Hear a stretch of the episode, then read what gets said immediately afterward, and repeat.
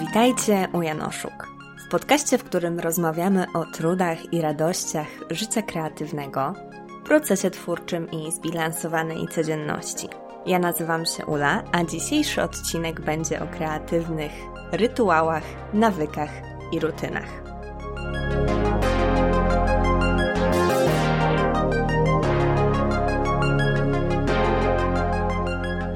Tak jak słowo rytuał może jeszcze nie budzić waszego sprzeciwu, bo kojarzy się z wzniosłością, wręcz z aspektami religijnymi być może dla niektórych z Was, tak rutyna i nawyk już nie są czymś, co chciałybyśmy i chcielibyśmy kojarzyć z naszym procesem twórczym, z naszym kreatywnym myśleniem, bo są po prostu skrajnie nieromantyczne i skrajnie odległe od tej magii, jaką się wydaje proces twórczy, proces kreatywny na pierwszy rzut oka.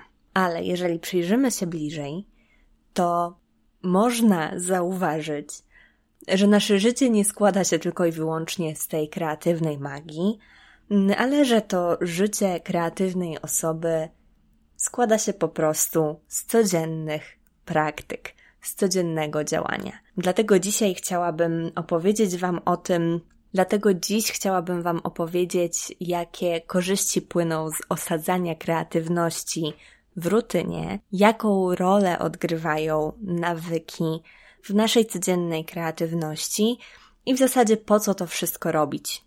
Po co? No i też opowiem Wam, jak takie kreatywne nawyki zbudować oraz to, jak u mnie wyglądają moje kreatywne nawyki, moja kreatywna rutyna, w jaki sposób ona pomaga mi prowadzić to moje twórcze życie. Tak jak wspomniałam, rutyna jest czymś, co kojarzy nam się wybitnie nieromantycznie, wiązana jest często z szarą codziennością, mm, z taką przyziemnością życia codziennego i nie jest czymś, co w pierwszej chwili kojarzymy z kreatywnością. Kreatywność wydaje nam się raczej w teorii taką wielką podróżą. Austin Kleon w swojej książce Keep Going pisze, że jedyną kreatywną podróżą, którą on odbywa, to jest codzienna podróż do swojego studia, znajdującego się w garażu. Mówi, że nie jest żadnym Luke'em Skywalkerem, że nie odbywa wzniosłych, kreatywnych przygód, ale że jest raczej bohaterem z Dnia Świstaka, który codziennie musi wykonywać tę samą pracę. I jeśli przyjrzymy się życiu różnych kreatywnych osób, co robi chociażby Mason Carey w swojej książce Codzienne rytuały, jak pracują wielkie umysły, to zdamy sobie sprawę z tego, że kreatywne zdolności i tendencje naszego umysłu nie wystarczają bardzo często, a to, co jest konieczne, to ciągła praca. Klient też zauważa, że dla niego ta kreatywna droga przez życie nie jest linią prostą, jest raczej pętlą, bo ciągle musimy wykonywać te same czynności, jeżeli chcemy coś osiągnąć, jeżeli chcemy jakiś efekt uzyskać. Ja bym powiedziała, że to jest coś pomiędzy, Wyobraźcie sobie taką rozwiniętą sprężynę. Ona rzeczywiście ma te swoje pętle, ale ciągle gdzieś tam idzie do przodu. Ja jestem wielką zwolenniczką rozwoju, więc ta perspektywa, że ciągle stoję w jednym miejscu, jakoś do mnie nie trafia, ale na pewno uważam, że to krążenie, to dokonywanie, to przechodzenie przez tą pętlę tych samych czynności na co dzień jest kluczowe dla rozwoju.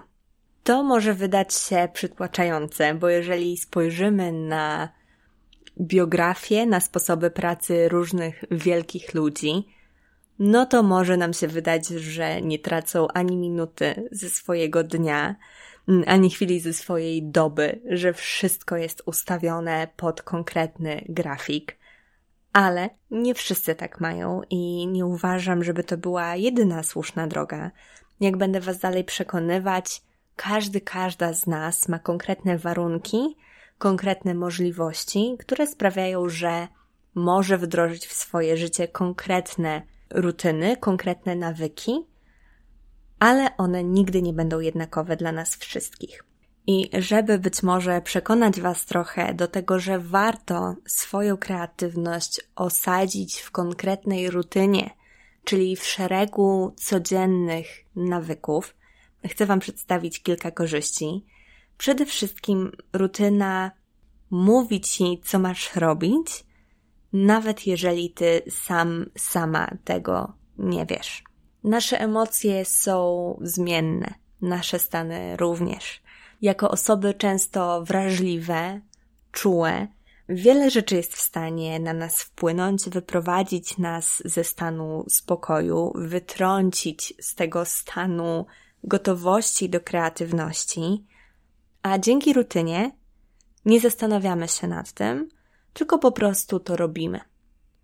Rutyna, jeżeli jest stworzona pod ciebie, jeżeli dostosujesz ją do swoich predyspozycji, swojego dnia, swojego trybu życia, swoich poziomów energii, i jeżeli będziesz ją w kółko i w kółko powtarzać i praktykować, żeby wyrobić w sobie konkretne nawyki, ona sprawi, że Twój umysł będzie gotowy do pracy, nawet jeżeli Tobie będzie się wydawało, że nie jesteś. I też z takich praktycznych względów nie wyczerpujemy wtedy swojej siły woli, bo można powiedzieć, to jest myśl przytaczana przez wiele różnych osób w wielu różnych książkach, czyli fakt, że mamy ograniczone zasoby woli i one się w trakcie dnia nam wyczerpują, dlatego z każdą chwilą, z każdym kolejnym podejmowaniem decyzji, każdą kolejną decyzję jest nam podejmować trudniej, bo te nasze zasoby się wyczerpują. Rutyna z kolei sprawia, że one nie wyczerpują się tak łatwo, bo pewne rzeczy mamy sprowadzone do tej sfery automatycznej i nie ma w tym absolutnie nic złego. Dzięki temu też nie tracimy czasu na zastanawianie się, co teraz będę robić. Po prostu mamy konkretną godzinę albo konkretny moment dnia, jak na przykład przerwa obiadowa albo poranek, kiedy konkretne rzeczy wykonujemy. Taka rutyna też bardzo uśmierza fakt, że zdarzają nam się wzloty i upadki. Otula te nasze góry i doliny taką ciepłą pierzynką bezpieczeństwa, którą jest po prostu wykonywanie ciągle tych samych czynności. Czyli nawet jeżeli wczoraj coś ci kreatywnego czy twórczego nie wyszło, to rutyna sprawia, że dzisiaj znów siadasz do pracy i robisz swoje. Tak samo przeciwnie, z sukcesami. Jeżeli osiągnąłeś, osiągnęłaś coś niezwykłego, to rutyna sprawia, że nie obrastasz w piórka, że nie taplasz się w wodzie sodowej, ale że dalej robisz swoje. Cal Newport w swojej książce Praca Głęboka, którą Wam bardzo polecam, jeżeli chcecie pracować w dużym skupieniu, dogłębnie i realizować często trudne do zrealizowania cele, jak na przykład napisanie bardzo dobrej powieści, czy utworu muzycznego, czy stworzenie obrazu, to skupienie jest w zasadzie konieczne i niezbędne. No i właśnie to skupienie jest rdzeniem książki Newporta dotyczącej pracy głębokiej. Bardzo polecam tę książkę. Ona posługuje się z reguły przykładami białych mężczyzn, więc musicie brać poprawkę na to, że nie każdy, nie każda z nas będą w stanie w swoich warunkach, w swoim kontekście społecznym, w kontekście swojego pochodzenia, aż tyle wyciskać ze swojego czasu, jak niektóre przykłady, które podaje tam autor, czy autor sam w sobie, ale techniki i sposoby uczenia swojego umysłu koncentracji są tam fantastyczne i ja teraz bardzo nad tym pracuję, szczególnie kiedy muszę czytać lektury do doktoratu. I Newport pisze o tym, że rutyna umożliwia skupienie się i umożliwia tę pracę głęboką, czyli właśnie dzięki rutynie dzięki wykonywaniu konkretnych czynności w konkretnych momentach, często w konkretnych sekwencjach, o czym będę zaraz więcej mówić, sprawia, że nasz umysł koncentruje się znacznie łatwiej i jest nam łatwiej w stan tego skupienia wejść. No i rutyna, co jest moim zdaniem wspaniałe, uniezależnia nas od weny.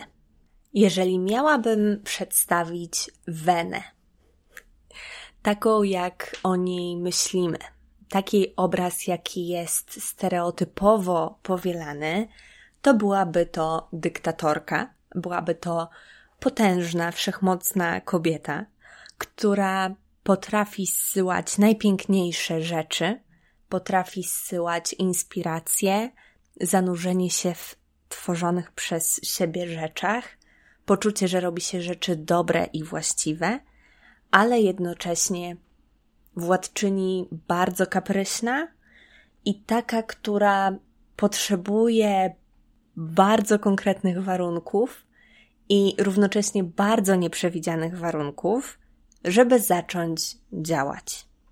Jeżeli od weny tej dyktatorki będziemy się uzależniać w ten sposób, że damy jej dyktować sobie warunki i będziemy pracować tylko i wyłącznie, kiedy ona nam każe, kiedy ona pozwoli nam wejść ze sobą w kontakt, to będziemy pracować rzadko, będziemy pracować bardzo intensywnie i wyczerpując swoje wszelkie zasoby, bo bardzo często taka praca z weną wymaga całkowitego się jej poświęcenia. Szczególnie kiedy po prostu tylko i wyłącznie pracujemy, kiedy najdzie nas inspiracja.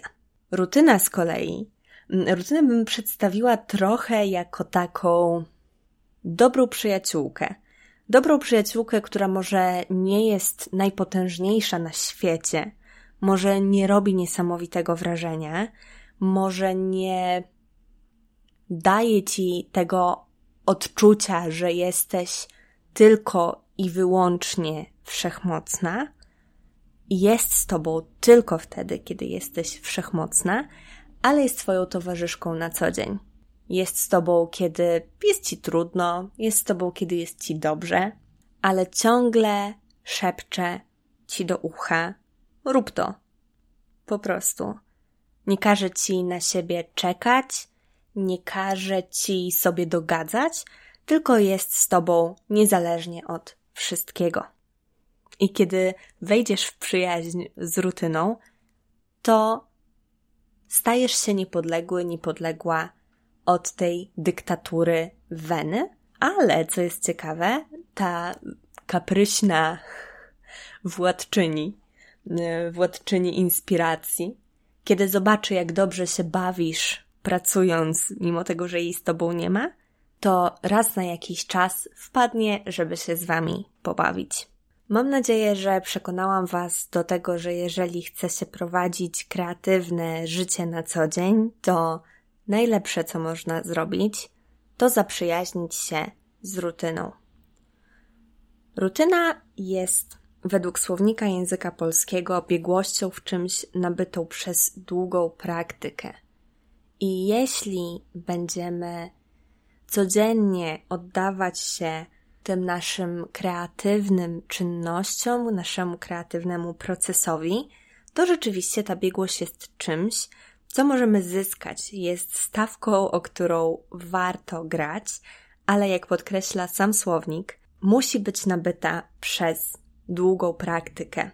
Druga definicja to postępowanie lub wykonywanie jakichś czynności według utartych schematów. Czyli jest to zbiór czynności, które wykonujemy na co dzień schematycznie. Rutyna najlepiej kiedy się składa i z reguły się składa z nawyków. Nawyki są to nabyte skłonności do sprawniejszego, bardziej mechanicznego wykonywania jakiejś czynności. O nawykach pisał między innymi James Clear w swojej książce Atomowe nawyki, gdzie bardzo dokładnie opisuje, co dają nam nawyki, jakie korzyści przynoszą i w jaki sposób je wypracowywać. Ja trochę dzisiaj będę do niego nawiązywała, ale nawyk byłby tą zautomatyzowaną czynnością, która wchodzi w skład naszej codziennej rutyny, czyli całokształtu wykonywanych regularnie czynności. Mason Carey w swojej książce Codzienne rytuały wybrał tę nazwę właśnie ze względu na jej wzniosłość. Ja też postanowiłam się nią tutaj czasem posłużać właśnie, żeby trochę tego magicznego tonu rutynie nadać, ale żeby wyjaśnić, czym jest rytuał, powołam się znów oczywiście, na słownik. I rytuał jest ustaloną formą symbolicznych czynności układających się na obrzęd religijny, praktyki magiczne lub podniosłą uroczystość mm, lub zespół czynności, których częste powtarzanie tworzy dotyczący czegoś zwyczaj. Zwyczajem można by było nazwać inaczej właśnie tą rutynę, czyli nasze zwyczajowe, codzienne wykonywanie konkretnych czynności, które z czasem przeradzają się w nawyki. Ale myślę, że tutaj ta szczypta magii, czyli właśnie ta kwestia obrzędu, kwestia praktyk magicznych czy podniosłych uroczystości, może być śmiało przeniesiona, jeżeli te nasze nawyki, jeżeli te nasze zwyczaje będą dotyczyły kreatywności, która sama w sobie jest wielką magią, jak to pisała Elizabeth Gilbert. Musicie pamiętać, że można czytać o rytuałach różnych wielkich umysłów. Można zgłębiać cudze tajniki pracy. Można czytać książki takie jak Atomowe nawyki, Praca głęboka czy codzienne rytuały, ale dopóki same, sami nie zdecydujecie się na stworzenie własnej rutyny, dopóty nie będziecie wiedzieć, co u Was działa. To jest trochę smutna, mm, ale jednocześnie myślę nie taka zła, prawda? Bo wiele rzeczy musimy wypracowywać po prostu w praktyce. Wiele rzeczy musimy same i sami sobie ustalić. Nie ma jednej rutyny, która działałaby dla wszystkich.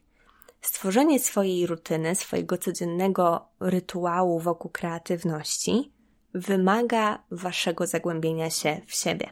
Możecie w tym celu prowadzić dziennik obserwacji. Możecie w tym celu poświęcić kilka linijek na swoich chociażby porannych stronach czy innej formie dziennika. Ale podstawą stworzenia dobrego rytuału i dobrej rutyny jest obserwacja.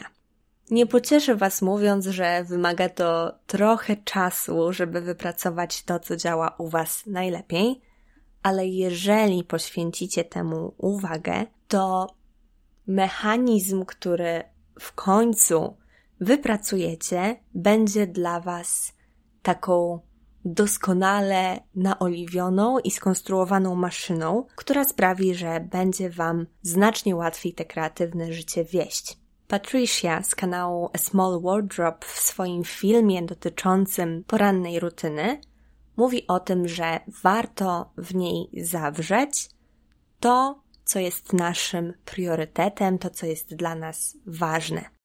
Przytaczała tam przykład chociażby pisania. I wzorując się na tym jej filmie, ja zdecydowałam się swoją rutynę przemodelować, bo ona tam mówi o tym, że jeżeli chcesz pisać, jeżeli to jest dla ciebie ważne, to włącz to w swoją poranną rutynę, bo będzie to jedną z pierwszych rzeczy, które zrobisz i rzecz, którą będziesz miała, miał odhaczoną już na początku dnia. James Clear mówi o bardzo ważnym aspekcie nawyku. Bardzo często, kiedy decydujemy się To jest temat teraz bardzo aktualny, bo mamy początek nowego roku i te wprowadzanie nowych nawyków jest czymś, co jest często tym celem na kolejne 12 miesięcy. On mówi o tym właśnie, żeby nie traktować nawyku jako środku do osiągnięcia konkretnego celu, ale jako element tego, kim chcesz być. Pisze o tym, że nawyki powinny odzwierciedlać naszą aktualną, a raczej może pożądaną tożsamość. Austin Kleon z kolei w Keep Going pisał o tym, że mamy kontrolę nad niewieloma rzeczami w naszym życiu, ale mamy kontrolę nad tym, jak wygląda nasz dzień. Bardzo bliskie jest mi stwierdzenie, że to, jak wygląda Twój dzień, powinno odzwierciedlać to, kim chcesz być, jaką chcesz być osobą, za jaką osobę chcesz się uważać. Czy mogłabyś nazwać się rzeźbiarką, jeżeli na co dzień byś nie rzeźbiła? Czy mógłbyś nazwać się muzykiem, jeżeli nie poświęcałbyś w swojej codzienności czasu na komponowanie? Nasza codzienność jest naszym życiem i to, jakie czynności wykonujemy na co dzień, jest tym, kim jesteśmy, jest naszą tożsamością. Więc planuj swoje dni, planuj swoje codzienne rutyny, swoje rytuały tak, by odzwierciedlały to, kim jesteś, kim chcesz być, kim chcesz się stać. Także w swojej kreatywności. I teraz, jak to zrobić? Jak to, jak tą rutynę wypracować? Bo łatwo jest powiedzieć, zrób to i tamto, ale kiedy przychodzi do działania, no to jest już znacznie trudniej. Kiedy mamy już wypracowaną tę rutynę, no to idzie z górki, ale najpierw trzeba tę rutynę wypracować. I myślę, że warto zacząć od obserwowania siebie. Jeżeli akurat nie jesteście w jakimś mega wielkim twórczym kryzysie i na co dzień praktykujecie różne czynności, albo na przykład nie praktykujecie niczego kreatywnego, ale pracujecie, to na pewno zdajecie sobie sprawę z tego, albo przynajmniej możecie to już teraz zaobserwować, kiedy Wam się pracuje najlepiej. Kiedy macie najwięcej energii, kiedy Wasza głowa najlepiej przyswaja, możemy tu przywołać taki koncept, który jest niezwykle popularny, czyli słów i skowronków, osób, które pracują w nocy, czyli nocnych marków i osób, które najlepiej pracują rano, czyli rannych ptaszków.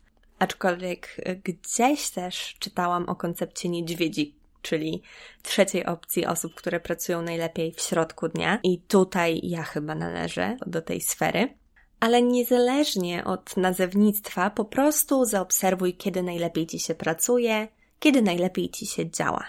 I jeżeli masz taką możliwość, to spróbuj w tym momencie najłatwiejszego współpracowania ze swoim umysłem ustawić kreatywność. Oczywiście są rzeczy, których nie przeskoczymy, jak praca, jak odwożenie dzieci do szkoły, jak zajęcia na studiach. Ale Wtedy badaj swój czas wolny. Być może warto wstać godzinę wcześniej, żeby pisać. Tak było w moim przypadku. Mm, być może pamiętacie, w którymś z odcinków podcastu, wydaje mi się, że o tym mówiłam, że będąc w gimnazjum, ja, moja kreatywna rutyna dotycząca pisania wyglądała tak, że do pisania siadałam wieczorami brałam prysznic po kolacji, robiłam sobie herbatę i przed snem pisałam. I kiedy dziś, kilka miesięcy temu, próbowałam w ten sposób wrócić do pisania, to coś mi nie odpowiadało. Nie byłam w stanie się tak dobrze skupić tymi wieczorami. Też trudno było mi jakoś wyznaczyć ten konkretny moment, też często to wszystko było jakieś takie rozjechane. No i stwierdziłam, że chyba pora spróbować poranków, czyli zrobić to, co Patricia ze Small Wardrobe sugerowała, pleść pisanie w moją poranną rutynę. I w ten sposób pisanie umieściłam po pisaniu porannych stron, po zaparzeniu sobie ziół, ale jeszcze zanim mój partner wstaje, zanim wyjdę na spacer z moim psem, przeniosłam moją pobudkę z godziny 8 na godzinę 7 i w ten sposób znalazłam miejsce na pisanie porankami. To oczywiście pociągnęło ze sobą takie konsekwencje, że musiałam zacząć chodzić spać godzinę wcześniej i dostosować do tego swoją wieczorną rutynę. Ale jestem już w miejscu, w którym udało mi się to jakoś poukładać. Więc po pierwsze, obserwuj. Mi się świetnie pisze rano, dużo lepiej niż wieczorami. Prawdopodobnie dlatego, że przez to, że moja praca jest pracą umysłową, zarówno działalność w internecie, jak i mm, bycie na doktoracie, to są działalności umysłowe. I wieczorami jestem po prostu na maksa zmęczona po czytaniu tych wszystkich lektur, po pisaniu tych wszystkich tekstów i po spędzaniu dnia na tej umysłowej pracy. Dlatego pisanie rano jest dla mnie tak miłe, bo moja głowa jest jeszcze czysta, nie ma w niej śladów tych teoretycznych lektur, nie ma w niej jeszcze znużenia i dzięki temu pisze mi się znacznie łatwiej, znacznie szybciej i znacznie wydajniej. I mogłoby się wydawać, że hmm, Ula, przecież tak lubisz mroczne klimaty, często o tym piszesz, często o tym mówisz, nie tęsknisz za pisaniem wieczorami? No i powiem wam, że no trochę tęsknię. Ten klimat wieczornego, mm, wieczornej tajemniczości może trochę jest czymś, co bardzo mi odpowiadało, ale nie za cenę tego, żeby mi się lepiej pisało. Wolę już wstać ciut świt, kiedy zimą jest jeszcze ciemno, kiedy ledwo otwieram oczy i usiąść do tego pisania, zamiast męczyć się z nim wieczorami. Bo rano idzie mi to, tak jak powiedziałam, znacznie sprawniej. I już na tym moim przykładzie możecie zauważyć, że bardzo istotnym był dla mnie wybór czasu, wybór konkretnej pory, w której będę podejmowała konkretne kreatywne działanie. Pisze o tym zarówno James Clear w Atomowych Nawykach, zwracając uwagę, że żeby jakiś nawyk wypracować, trzeba wybrać mu konkretną porę, ale też konkretne miejsce. I pisze o tym Cal Newport, mm, mówiąc o tym, że miejsce i długość pracy mają kluczowe znaczenie dla rytuału i że najlepiej mieć do tego konkretne miejsce, konkretne miejsce do pracy głębokiej. No i tutaj obaj ci autorzy zwracają na to bardzo dużo uwagi, że to miejsce ma znaczenie, bo konkretne usytuowanie ciała w przestrzeni sprawia, że łatwiej jest ten nawyk uruchomić. Clear pisał nawet o tym, że dobrze jest, żeby każdy nawyk miał swoje miejsce w naszej przestrzeni.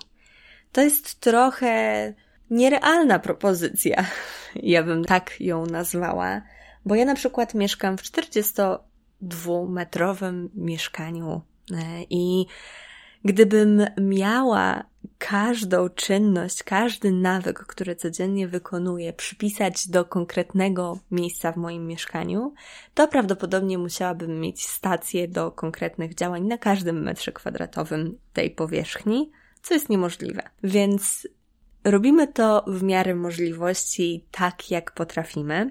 Ja do pracy głębokiej, do robienia notatek, do pisania wybieram biurko po prostu, ale na przykład do czytania lektur wybieram konkretne miejsce na mojej kanapie. Jakoś trzeba sobie radzić. Clear pisze też o czymś takim jak piętrzenie nawyków. Nie wiem jak wy, ale ja bym dostała szału, gdybym musiała sobie wyznaczać dokładną porę co do minuty wykonywania konkretnych czynności, bo zdarza się tak, że wstanę 10 minut później, 10 minut wcześniej, że coś mi zajmie dłużej, coś mi zajmie krócej. I tutaj świetnie działa taka zasada, która nazywa się piętrzeniem nawyków, czyli tym, że ustawiacie sobie konkretną czynność po konkretnej czynności. I przykładowo moje poranki wyglądają tak. Dzwoni budzik, wstaję, nastawiam wodę, idę do łazienki się ogarnąć. Tam mam też konkretną rutynę pielęgnacyjną, bo tam myję buzię. A co tam jeszcze? Smaruję ją kremami i tak dalej. Później zalewam sobie witaminę C, piję witaminę C zamiast wody z cytryną, bo tak to robiłam wcześniej, ale COVID trochę na mnie wymógł rzadsze kupowanie cytryn, więc witamina C wygrała. Z witaminą C piszę poranne strony. Po porannych stronach się ogarniam, ubieram i potem siadam do pisania. Dzięki temu ja nie muszę mieć konkretnej pory, e, konkretnych sekund, o których zaczyna mi się konkretna czynność, ale każdy kolejny nawyk buduje przez spiętrzenie na tym, co już mam. Może to być właśnie taka nieodwracalna czynność jak przebudzenie, jak przerwa obiadowa, obiad, kolacja, cokolwiek ale tworzenie takich sekwencji mi znacznie ułatwia robienie rzeczy. i też sprawianie, że stają się one taką moją codzienną praktyką. Newport w pracy głębokiej pisze o tym, że taki rytuał powinien też zawierać sposób pracy, czyli procedury, które sprawią, że Twoje wysiłki będą usystematyzowane, czyli na przykład zakaz korzystania z internetu albo jakiś miernik efektywności, czyli ile udało Ci się napisać w 20 minut. To służy podtrzymaniu koncentracji i też sprawi właśnie, że nie będzie to wyczerpywało Twojej siły woli, więc tutaj chodzi o jak największą automatyzację i być może to jest coś, co Was też napędza, mierzenie Waszej efektywności. U mnie to nie jest aż takie konieczne, ja daję sobie godzinę na pisanie. Czasem jest to godzina innych czynności związanych z pisaniem powieści, jak na przykład research. Dzisiaj chociażby szukałam e, szkół z internatem w Niemczech i znalazłam jedną w południowo-zachodnich Niemczech w miejscowości Salem i tam wyślę moją bohaterkę. Mm, więc ja nie jestem aż tak rygorystyczna. Staram się pisać 400 słów, staram się pisać około godzinę, ale też nie mam sobie za złe, jeżeli jakaś inna czynność wymaga mojej uwagi, ale też w tym kreatywnym kontekście. Newport pisze też o trzecim elemencie i ostatnim, czyli o wspomaganiu pracy, czyli że rytuał powinien zapewnić umysłowi wsparcie, aby mógł on funkcjonować na najwyższych obrotach, no i podaję tutaj takie przykłady jak filiżanka kawy, zapas żywności, czyli wiecie, przekąsek, które sprawią, że nie będziecie odrywać się od pracy, żeby zajrzeć do lodówki i zastanowić się, co by tutaj dobrego zjeść. Dla niektórych to jest chodzenie, dla niektórych to jest zorganizowanie środowiska pracy, by zminimalizować rozpraszacze, ale ja bym powiedziała, że to jest takie zorganizowanie swojego miejsca pracy, żebyś nie musiał, nie musiała niepotrzebnie się od niego oddalać i przerywać tego swojego procesu. Ja do tych trzech elementów, czyli miejsca i długości pracy, sposobu pracy i wspomagania pracy, dodałabym też taką kategorię dziwactwa i rzeczy, które sprawiają Ci przyjemność. Ja na przykład bardzo lubię mieć świeże kwiaty w moim miejscu pracy, bo, no nie wiem, sprawiają mi radość, jest to dla mnie bardzo miłe. Lubię zapalać sobie moją lampkę solną, kiedy pracuję. Lubię mieć pod ręką notatnik, gdybym potrzebowała przelać moje myśli na papier, a nie na komputer. Wiecie, to są często właśnie takie rzeczy, które kiedy się przywołuje anegdotycznie o różnych wielkich osobach, no to wzbudzają powszechną radość, powszechny śmiech. Ale to nie są rzeczy na pokaz i to nie mają być rzeczy na pokaz. To mają być rzeczy, które Wam sprawiają radość i Wam ten proces twórczy ułatwiają. Powiedzmy sobie szczerze, kreatywność jest czynnością umysłową, która wyciąga z nas masę energii. Wyciąga z nas wiele. Musimy naprawdę dużo z siebie dać. To jest walka, to jest proces żmudny i to jest proces trudny. Jeżeli możemy zrobić cokolwiek, żeby sobie ten proces umilić, żeby ułatwić sobie budowanie tej rutyny, na przykład kupienie przepysznej kawy albo jakiegoś, wiecie, Chemexa czy Aeropressu do jej przyrządzenia ułatwi nam, sprawi, że będziemy czuć, że ten proces, do którego teraz siadamy, to kreatywne generowanie pomysłów, treści jest ważne, jest doniosłe to warto to zrobić. Kreatywność karmi się magią. Kreatywność karmi się mm, takimi rzeczami przyjemnymi, takim dowartościowywaniu też tego procesu, takiej dziecięcej radości. Więc te rzeczy, które sprawią, że będzie Wam łatwiej usiąść do tego biurka, jak kwiaty w moim przypadku, czy lampka solna, jak napary, które sobie zrobicie, albo przekąski, które sobie przygotujecie, te rzeczy sobie zapewnijcie. Bo czemu tworzenie rutyny miałoby być takim właśnie szarym, przyziemnym procesem? Czemu też nie można potraktować tego jako kreatywnego wyzwania? Jako stworzenia doskonałej relacji z kreatywną rutyną, czyli na przykład przyniesienie jej kwiatów na biurko. Nie musimy do wszystkiego podchodzić tak bardzo poważnie. Ważne jest to, żeby znaleźć w sobie łatwość codziennego siadania do trudnej, żmudnej pracy, jaką jest tworzenie czegoś kreatywnego. I to tyle na dziś. Jeżeli ten odcinek okazał się dla Was przydatny i ciekawy, to bardzo Was proszę, udostępnijcie go na swoich mediach społecznościowych. Jeżeli zrobicie to na Instagramie, to nie zapomnijcie mnie oznaczyć u podkreśnik Janoszuk. Jeżeli macie jakieś przemyślenia dotyczące kreatywnej rutyny, no to też czekam tam na Wasze wiadomości. Oczywiście możecie też mnie dorwać na moim mailu witajmałpa. Wszystkie rzeczy, o których dzisiaj mówiłam, znajdują się na stronie odcinka, do której link, jak zawsze, znajdziecie w opisie. Jestem bardzo ciekawa, czy macie jakieś swoje kreatywne rutyny, kreatywne dziwactwa, dziwaczne rytuały, albo takie być może po prostu piękne, wzniosłe i wspaniałe. Jak Wam idzie budowanie nawyków? Czy może już jakiś nawyk udało Wam się wprowadzić w nowym roku?